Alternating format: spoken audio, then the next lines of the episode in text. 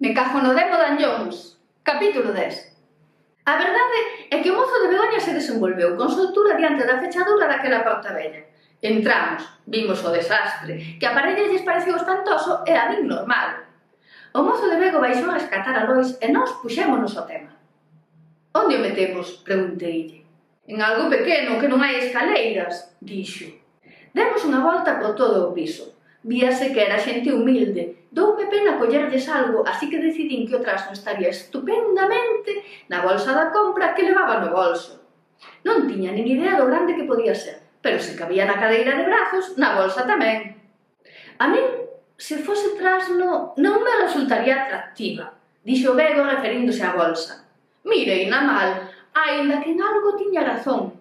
A neveira facíalle gracia pola luz que saía de dentro, Pero algo poderíamos facer. Riu o demo. Apaga as luces, mandeille. A ver se funciona. Busquei no bolso o móvil e agradecín os 2 euros con 45 máis impostos indirectos que me custara aquela aplicación que convertía a luz do teléfono en rosa discoteca. Tía gana por aí, dixen a Begoña dándolle unha das asas. Metín o iPhone dentro ca luz prendida e a música posta. Comezou pola letra A, ABBA, Teño que admitir que me daba un pouco de arrepíos cando sentía os ha preto e a bolsa se movía. Begoña mantivo o tipo ata que notou que algo tiraba da bolsa e o borde se dobrou cara a fora como se alguén pequeno ou estivese collendo para ver o que había dentro. A min inspiroume terrura. Hihihihi, río Dermo. Baixámolo un pouco, preguntei a Begoña. Díxome que sí ca cabeza. Baixámolo un pouco e a dobra baixou un pouco máis. De súpeto decateime. Oh, o conxuro! Berrei. Ha! Berrou Demo soltou a dobra. Polo menos lembraxeste antes de que chegase ao teléfono, dixo Bego. Deus, xa case o tiñamos, lamentei. Río o Demo. A ver, céntrate, estamos nunha casa allea, pensa rápido o conxuro do carallo e acabemos dunha vez, rifou Bego. Dei a bolsa, apagou o teléfono e púxose a controlar que non viñase ninguén. Bolsa máxica, bolsa máxica, carrexa a compra, carrexa o demo, vai a compra, leva o demo. Non é moita cousa, pero igual para un apuro serve, dixen. Bego puxo cara de que non sabía e que apurase. Escribino na borde da bolsa por dentro. Volvemos poñer o iPhone dentro ca luz rosa discoteca e o ring ring why don't you give me a call de Ava. E agarramos a altura estimada de polo xeonllo. O demo tardou, Bego impacientábase. Apareceu cando a canción chegaba ao final e o ring ring era máis insistente. Bego puxeralle máis volume e a dobra baixou case a carón e o teléfono de súpeto flotou. Pecha, pecha, apuraba Bego. Non lembro con xuro, berrei nerviosa. Pois a mí non me preguntes que non dixeches? Respondiu enfadada. Como era, como era, desesperaba. E o móvil achegábase perigosamente ao borde da bolsa. Vai a compra, levo, demo, berrei por fin. Quitei a asa da man a Bego e atei a bolsa co iPhone dentro. Bego abriu a porta e corremos escaleiras abaixo. Na rúa seguimos correndo sen rumbo eléctricas pola bolsa que levábamos, nerviosos pola invasión da casa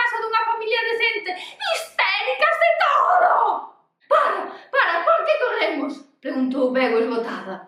Ai, non sei, filla, respondín sen alento. Imos tomar algo.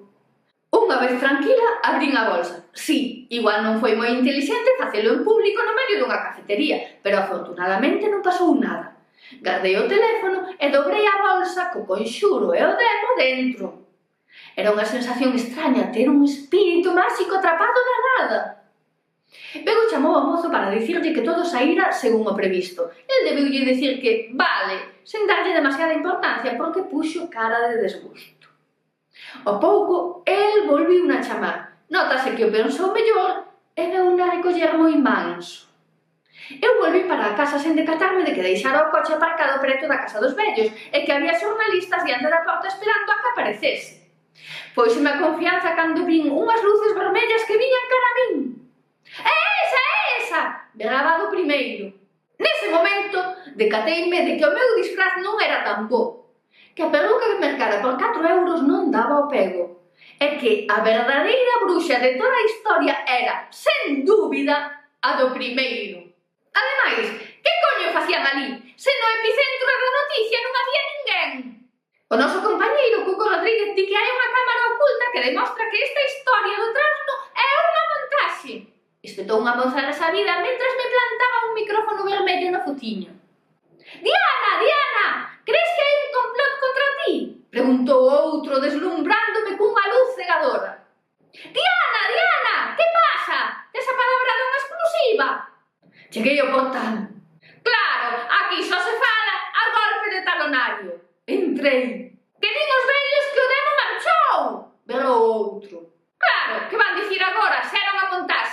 exclamou a do primeiro. Metíme no ascensor, dei o oito e respirei con alivio ao entrar na casa. Tirei o bolso onde caiu e prendín a televisión. É que non había maneira de facer algo ben.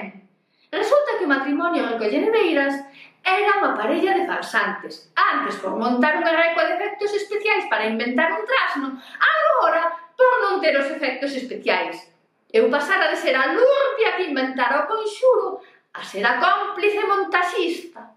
E o experto Igor pasara a ser un adiviño porque Eu xa anticipara, esta clase de efectos non aparecen así como así, son algo extraordinario. Dixo. Doume pena non te lo grabado para lembrarlle que el dixera que non facía esa clase de traballos, que lle insistiran, pero que tiña moita ética profesional desa. O programa especial durou até as dúas da madrugada. Os veciños non lles fixen un gran favor respecto da opinión pública, pero polo menos libereilles a casa dun demo rebelde. Así que respirei tranquila e dormín. Ao día seguinte chegou a calma despois da tormenta. Nos programas xa non se falaba do tema, un recordatorio de pasada cun chiste retranqueiro. E despois dunha semana, nin o tal Igor saía nas tertulias máis rebellidas. Onde meteche no demo? Preguntoume con exixencia o profesor Igor Casas de Andrade. A culpa era miña por abrirlle a porta, que ben vin que era el. Pois que quere que lle diga? Vai a preguntar á televisión que isto non é unha consulta. E pechei a porta. Había que amolarse. O vello tachoume de farsante, de bruxa, de meiga mala, de menciñeira, de farsante outra vez. E viñame con exixencias Temos que quedar para que me contes como foi a cousa, que non me fío moito da versión oficial. Escribiu Lois na mensaxe do Facebook. Quedamos aquela mesma tarde, non tiña máis que facer. Levaba no bolso a xaula co traso para ensinarlle pois se lle interesaba para os seus estudos.